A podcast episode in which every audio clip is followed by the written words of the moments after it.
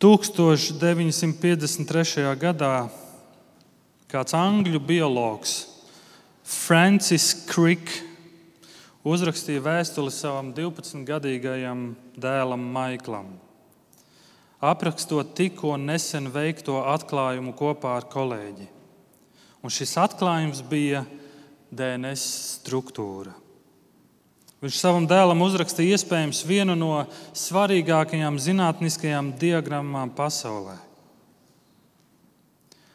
Pēc vairākiem gadiem dēls šo vēstuli pārdeva izsolē. Uzminiet, pat cik nu, vēstuli, cik tā būtu vērtīga. Par sešiem miljoniem dolāru.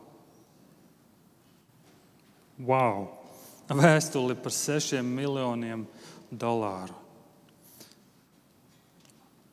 Un šī tiek uzskatīta par pasaulē dārgāko vēstuli. Bet ir vēl kāda vēstule, kurai ir daudz lielāka vērtība. Un šī vēstule ir vēstule, kurai mēs ejam cauri jau kādu laiku. Tā ir vēstule no Dieva. Tās ir Dieva labās ziņas.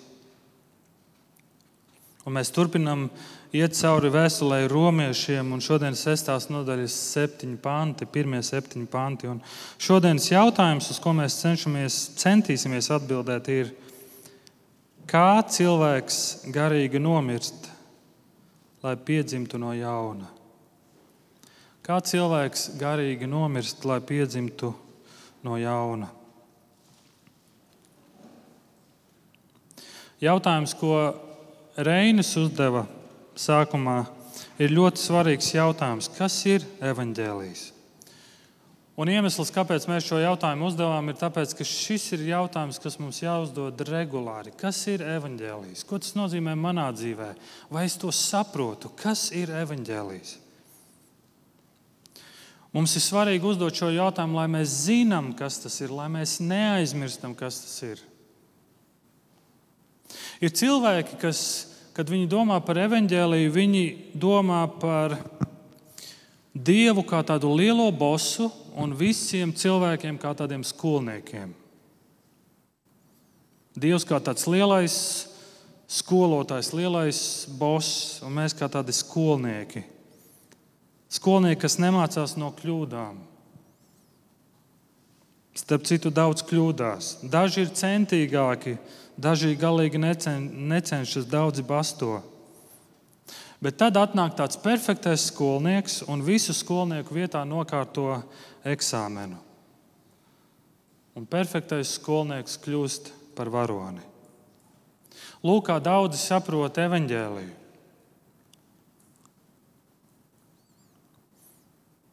Bet vai šāds evaņģēlijs tev palīdz dzīvot jaunu dzīvi? Visi skolnieki turpina dzīvot iepriekšējo dzīvi un cer, ka atkal, kad būs ziepes, tad lielais boss atsūtīs palīdzību. Šāds evaņģēlijs kristiešus padara sausus. Tas nepārveido, tas nedod prieku, tas ir garlaicīgs. Bet tad ir cits evaņģēlijs, un tas sākas ar Dievu Tēvu. Un starp citu, šis Tēvs grib lai viņam ir daudz, daudz bērni. Un šis tēvs sūta savu vienīgo dēlu, lai tas kļūtu kā mēs. Un vēlāk šis dēls savā garā mūs savieno ar sevi, lai mēs ar viņu dotos pie Dieva tēva un sauktu viņu tā, kā Jēzus viņu sauca. Abba Aba tēvs. Mēs to neesam pelnījuši, un mēs to nevaram nopelnīt, jo šajā stāstā mēs esam vergi, briesmīgi saimnieka vergi, un tas ir grēks. Tas, ko Jēzus piedāvā, ir dāvana, tā ir bez maksas, to saņem ticībā. Un, ja tu uzmanīgi esi sekojis līdz šim, kad mēs gājām šīm pirmajām no, piecām nodaļām cauri, tu esi pamanījis, ko Pāvils saka. Mēs novērsāmies no viņa. Mēs visi esam dzīvuši grēkā, viena cilvēka dēļ. Mēs esam savienoti ar šo Ādamu, kurš ir grēcinieks, un mēs piedzimstam šajā grēkā. Un, un kā mēs zinām, ka mēs esam grēkā, jo nāve, jo mēs sastopamies ar nāvi. Un tu redzi, ko viena cilvēka grēks spēja nodarīt. Bet Dievs sūta Jēzu, lai viņā mēs tiktu taisnoti. Šis nevainīgais, bezgrēcīgais mirst mūsu grēku dēļ. Bet tāpēc, ka viņš bija nevainīgs, bez vainas, kurš uzņem savu mūsu grēkus, Dievs viņu pasludina par taisnotu un ceļ viņu augšā, lai dzīvotu un valdītu. Un ne tikai. Visi tie, kas viņam tic, caur viņu iegūst tieši to pašu taisnošanu.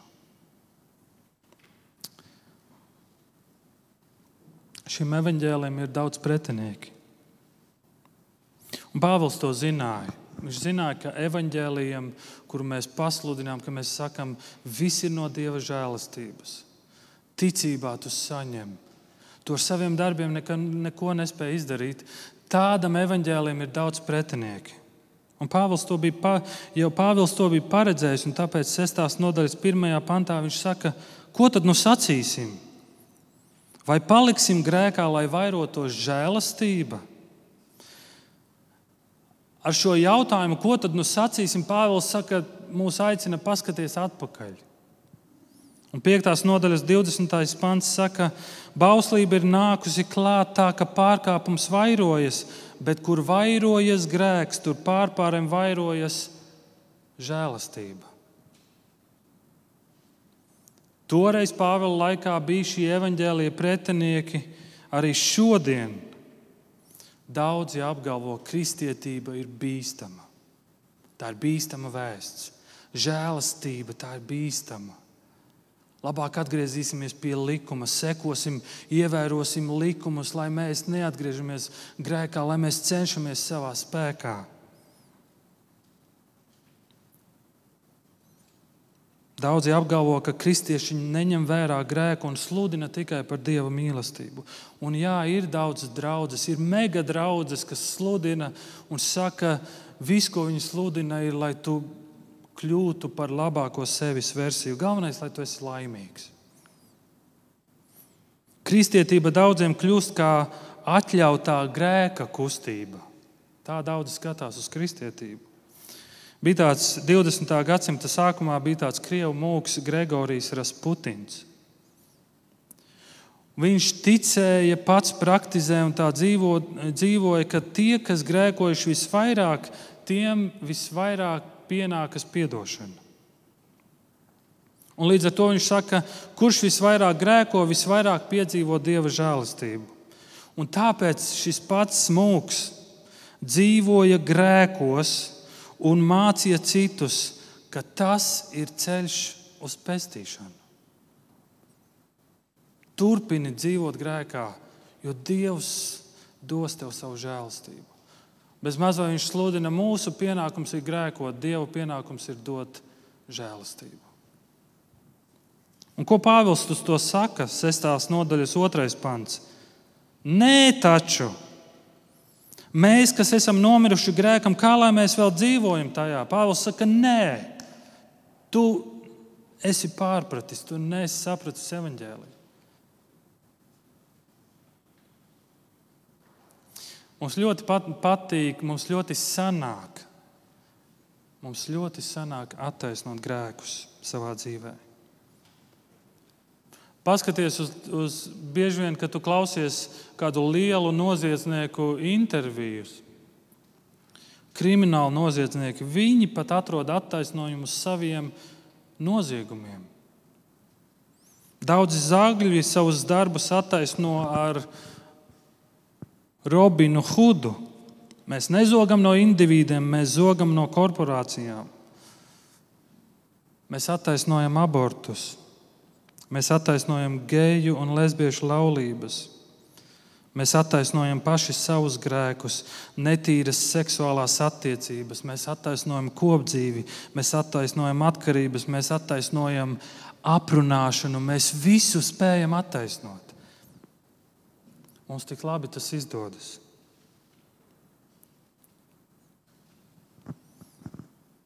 Bet, ja tu esi Bībelē balstīta persona, tu neattaisnosi grēku, vismaz tu centīsies.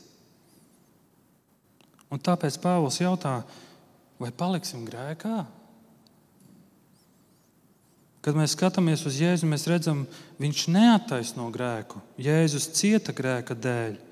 Viņš atbrīvo mūs no grēka, viņš attaisno grēcinieku, bet viņš nekad nesaka, ka grēks ir ok. Es reizēm paceļu savu balsi uz savām meitām nu, tādu skaļāku balsi. Un reizēm man meitas pretī jautā, tēti, kāpēc tu kliedz? Ziniet, ko es saku? Ziniet, kā es attaisnoju sevi? Tāpēc, lai tu beidzot klausītos un lai tu dzirdētu, ko es tev saku.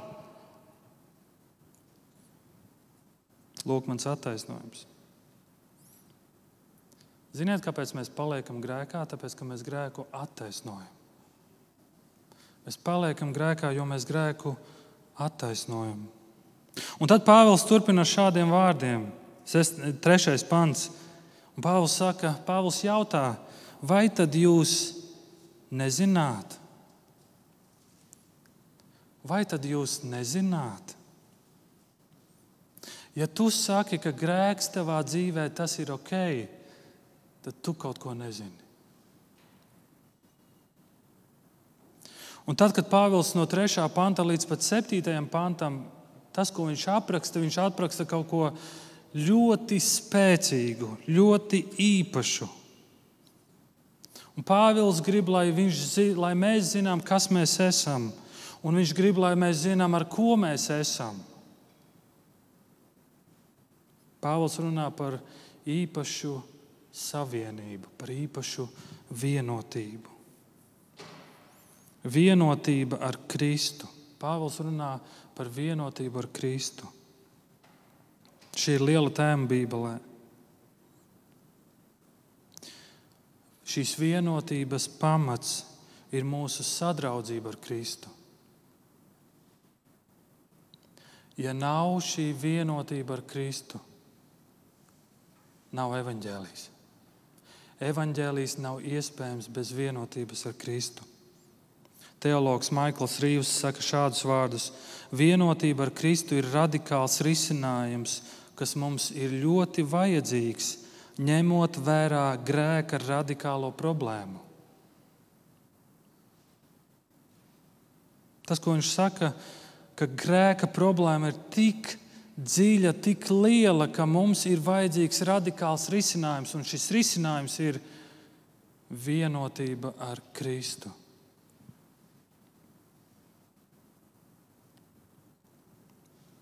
Mārtiņš Luters, liels dievvvīrs. Paceliet roku, kas ir dzirdējuši vārdu Mārtiņš Luters. Vismaz dzirdējuši. Visi. Wow. Liels dievvvīrs, un tagad, kad tu dzirdi Mārtiņš Luters, tev liekas, ka tam vīram bija ticība, vai ne? Bet viņam bija ticības krīzes viņa dzīvē. Viņam bija izaicinājumi. Un tad, kad viņš lasīja vēstuli romiešiem, viņam bija, viņš saskarās ar pirmās nodaļas 17. pantu, kur rakstīts, jo tajā dieva taisnība atklājas. Viņš lasa par to, ka dieva taisnība atklājas. Viņam tas bija liels izaicinājums. Kāpēc? Jo viņš saprata, ka viņš nav taisnīgs. Un tagad, kad viņš lasa, ka dieva taisnība atklājas, tas viņu biedēja. Jo viņš nebija taisnīgs. Bet kad Mārtiņš Luters atkal un atkal lasīja šos rakstus, kad viņš lasīja šo vēstuli romiešiem, viņš kaut ko spēcīgu pamanīja. Viņš pamanīja kaut ko ļoti īpašu un kaut ko ļoti spēcīgu. Viņš pamanīja, ka Dievs ir taisnīgs, bet Viņš ar to dalās. Un Dievs dalās ne tikai ar savu taisnību, Viņš dalās ar savu godību, ar savu gudrību, Viņš dalās ar visu. Un pirmo reizi Luters atrod mierinājumu evaņģēlijā. Bet kā Dievs to dara? Kā Viņš dalās savā taisnībā ar mums? Un tāpēc no 3. līdz 7. pantam es gribu parādīt trīs lietas. Un, man liekas, tās ir trīs lietas, ko Pāvils grib parādīt mums. Pāvils grib parādīt, Kristū mēs nomir, nomirām grēkam, Kristū mēs esam uzmodināti jaunai dzīvei, un Kristū mēs esam brīvi. Kristū mēs nomirām grēkam. Sestās nodaļas, trešais pants.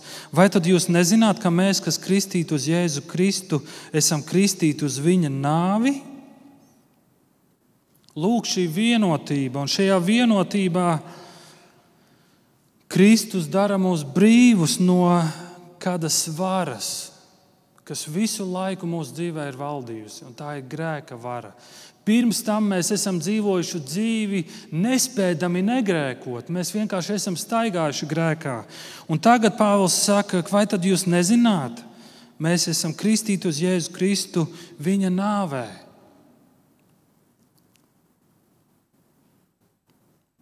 Pāvils grib, lai mēs zinām, kad vienoti ar Kristu, grēka valdīšanai pienāk beigas. Pāvils 4. pantā saka, mēs esam aprakti nāvē. 6. pantā viņš saka, vecais cilvēks krustā sists, un 7. pantā mēs nomirām. Mēs, tu esi nomiris. Nāve. Mēs esam miruši. Vecais cilvēks, vecā daba ir mirusi valdības mainās. Tas ir tā kā iedomājies, valdīja šī grēka vara, un tur bija šai varai bija spēcīga armija, un atnāk šī labā armija, kas ir daudz spēcīgāka, un šo varu padzen projām, un armiju padzen projām. Un ir jauns valdnieks, ir jauna armija. Jā, tā vecā armija kaut kur pa malām, pa kaktiem joprojām grib teritoriju atgūt bet viņi ir padzīti.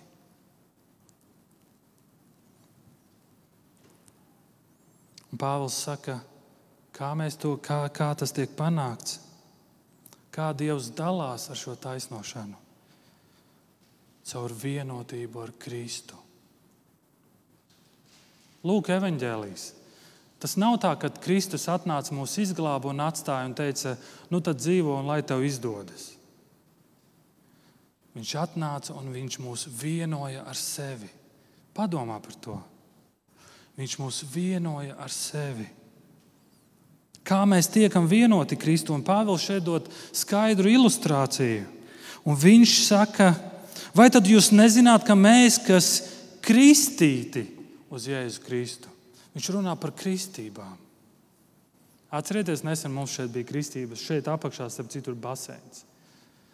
Mums bija kristības lieli svētki Vīlandē. Un Pāvils saka, mēs esam kristīti viņa nāvē. Šis vārds baptīzo nozīmē, mēs esam pagremdēti. Bet šeit Pāvils nerunā, nemin ūdeni. Tas nozīmē, ka tā nav ūdens kristība, kas mūs vieno. Ūdens kristība parāda mūsu garīgo dimensiju, kas mūsu garīgajā dzīvē ir izmainījies.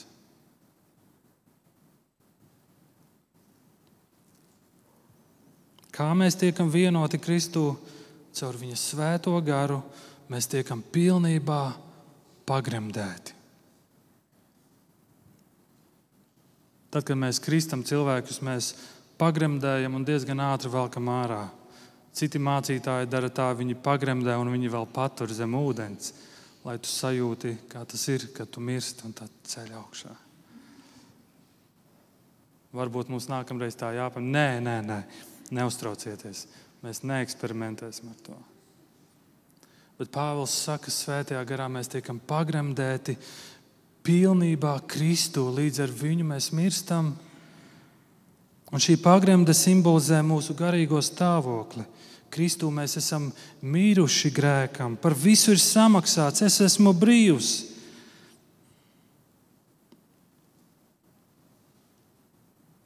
Un šī nāve, šī pagremde mūs ved uz augšām celšanos, uz jaunu dzīvi. Tajā brīdī, kad es atzīstos savā vainā, dzimst atdošana. Kad mirst mana kontrole pār manu dzīvi, dzimst brīvība. Kad mirst mani sapņi, dzimst dieva apsolījumi. Viņš izmaina manu skatījumu uz pasauli un manu vietu tajā. Pāvils turpina 4. un 5. pants. Tā mēs kristībā līdz ar viņu esam aprakti nāvē, lai tāpat kā Kristus, kas caur tēva godību uzmodināts no mirušajiem, arī mēs staigātu jaunā dzīvēm. Ja mēs ar viņu esam savienoti nāves līdzībā, tad būsim ar viņu savienoti arī augšām celšanās līdzībā. Viņš saka, mēs tiekam celti jaunai dzīvei. Tavs vecais cilvēks ir miris, un tagad tev ir, tu esi piedzimis no jauna. Tu esi jauns cilvēks. Tev ir jauna dzīve. Jautājums, kas ir šī jaunā dzīve? Pāvils saka, Kristus. Nevis viņš tev dod jaunu dzīvi, bet viņš ir tava jaunā dzīve. Redzi, kāda atšķirība. Viņš nevis tevi atstāja, bet viņš saka, es esmu tava jaunā dzīve. Mēs esam vienoti. Galatiešiem 3,27.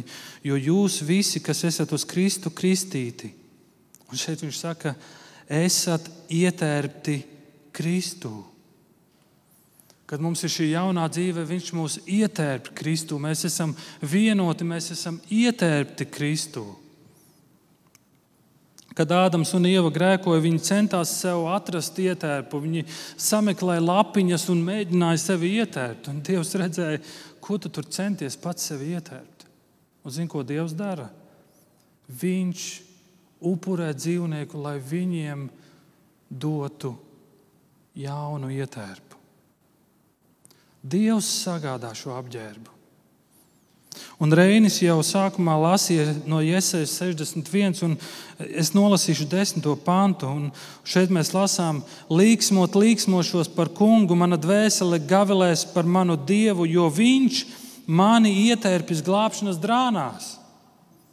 Ietinis mani taisnības tērpā, kā līgavainim, kā priesterim devis man galvas apsegu, kā līgavu dārgumiem izgreznojis.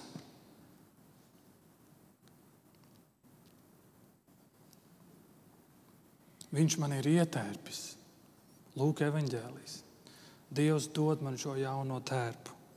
Galatiešiem 2,20 Pāvils saka, tādēļ nevis es dzīvoju, bet manī dzīvo Kristus. Un mana dzīve miesā tagad ir ticībā uz Dieva dēlu, kas mani ir mīlējis un devis sevi par mani. Nevis es dzīvoju, bet manī dzīvo Kristus. Tu vairs netiec saukts par grēcinieku. Tu vairs netiec saukts par resno vai tievo, par veiksmīgo vai neveiksminieku, par bagāto vai nabago, par skaisto vai neglīto, vai precēto vai neprecēto, par geju vai heteroseksuāli. Bet tu esi Kristū. Identitāte mainās, viss ir jauns. Salamana augstā dziesma, 2. nodaļa, 16. pāns. Ja tu esi Kristū, tad tu vari teikt šos vārdus. Un šie vārdi ir: Mans draugs ir mans, un es esmu viņa. Tu esi mīlēts, tu piederi viņam.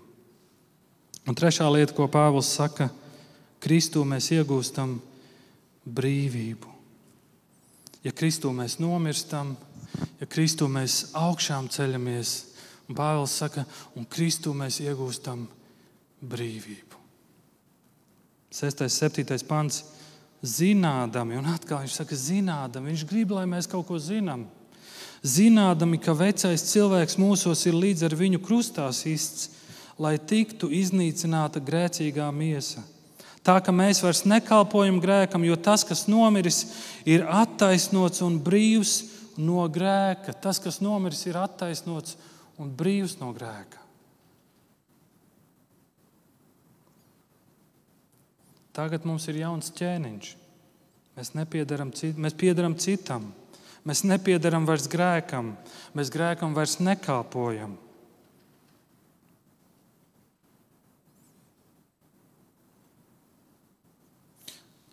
Kad piedzimstot, mēs iemantojām Ādama mantojumu.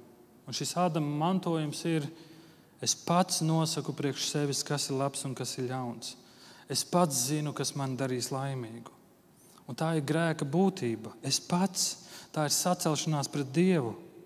Bet Pāvils saka, ka jaunā būtība ir, mēs vairs nekalpojam grēkam. Mēs vairs nekalpojam grēkam.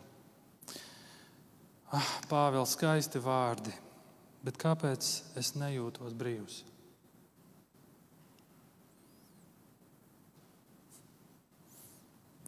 Lai atbildētu uz šo jautājumu, es jums iesaku noklausieties pagājušā gada mātes dienas dievkalpojumu. Noklausieties!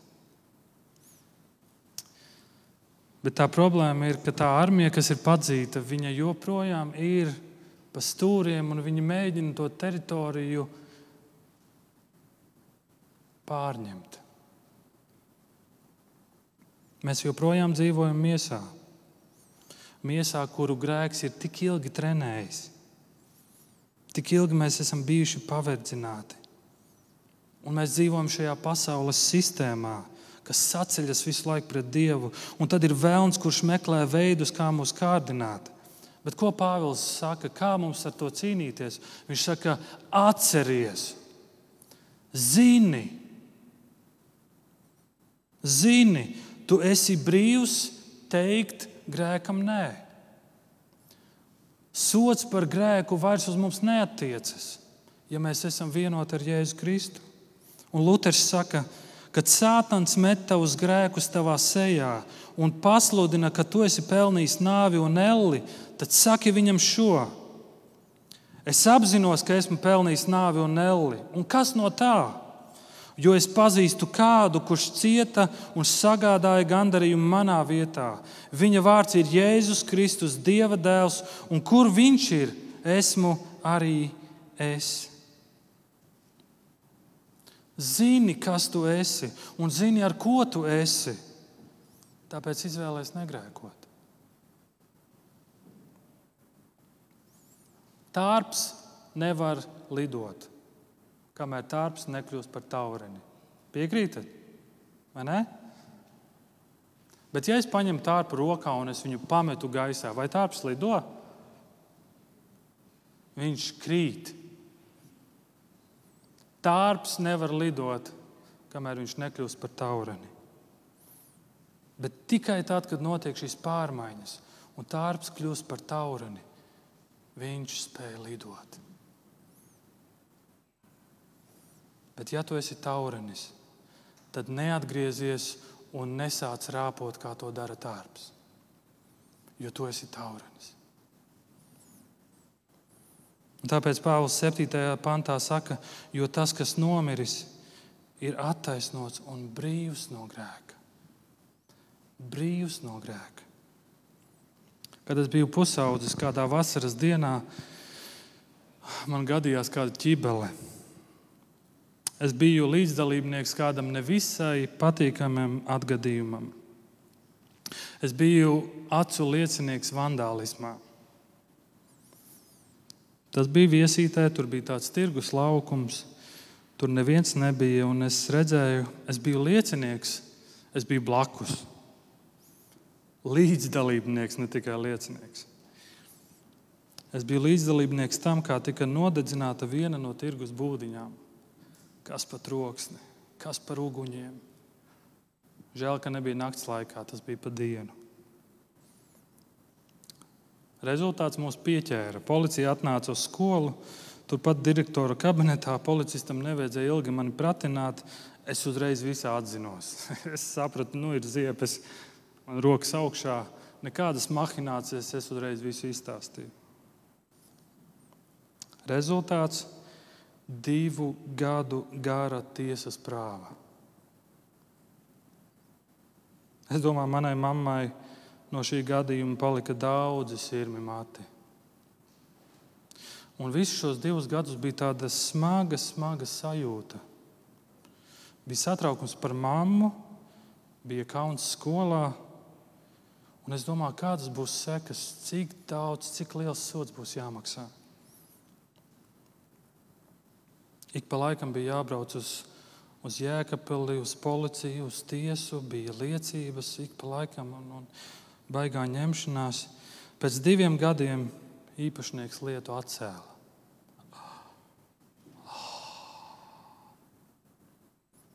Kāds atvieglojums man pusaudzim, kāds atvieglojums, kāds prieks. Un tāda sajūta nu, ir brīvība, ir jauna iespēja elpot. Pateicība Dievam, ka viss ir izbeidzies. Un katru reizi, kad es gāju garām šim tirgus laukumam, es atcerējos. Es aizbraucu uz viesīti, es eju garām, tu vispār tagad nav tirgus laukums. Es atceros to vietu. Es atceros, kas tur notika, un es atceros tās sekas.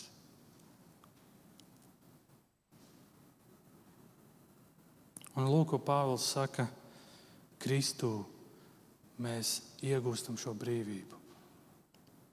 Mēs esam brīvi. Mēs tiekam pagremdēti viņa navē un augšām celt. Mēs esam brīvi brīvi no grēka varas, brīvi no soda un spējīgi teikt grēkam nē. Vai grēks mūs ietekmēs? Jā, bet mēs esam spējīgi teikt grēkam nē. Balstoties uz ko? Uz to, kas es esmu un ar ko es esmu.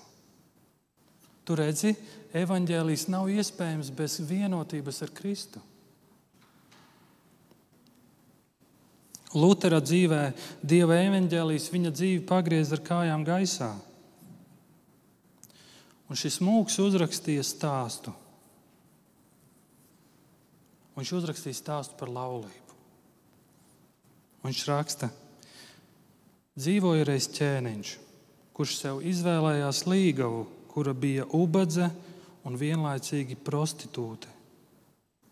Viņā nebija nekas jauks, nebija skaistums, tomēr ķēniņš izvēlējās viņu.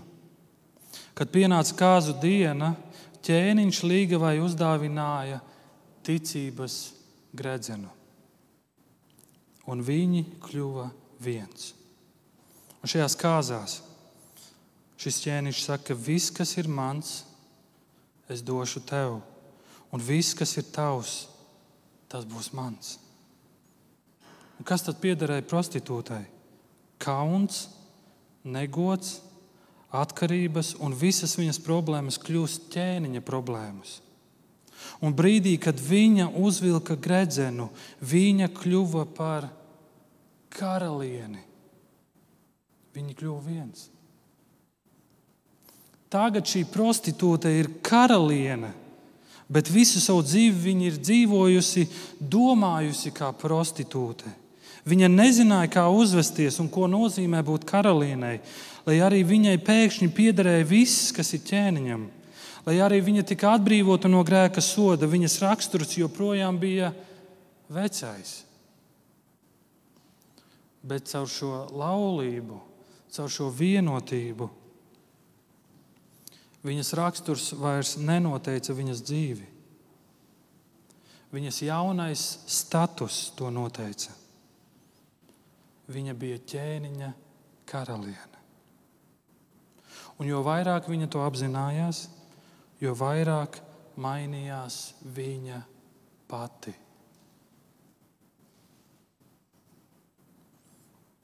Jo vairāk viņa to apzinājās, jo vairāk mainījās viņa pati. Salamana augstā dziesma, 2. nodaļa, 16. pants. Mans draugs ir mans un es esmu viņa. Lūksim. Debes Tēvs, paldies par Tavu vārdu, paldies par to, ko mēs tajā ieraugam. Mūsu vecā dzīve ir tādas pēdas atstājusi mūsu raksturā, mūsu miesā, mūsu dzīvē. Bet palīdz mums apzināties, kas mēs esam tevī. Palīdz, ka mēs nekad nestaigājam vieni paši.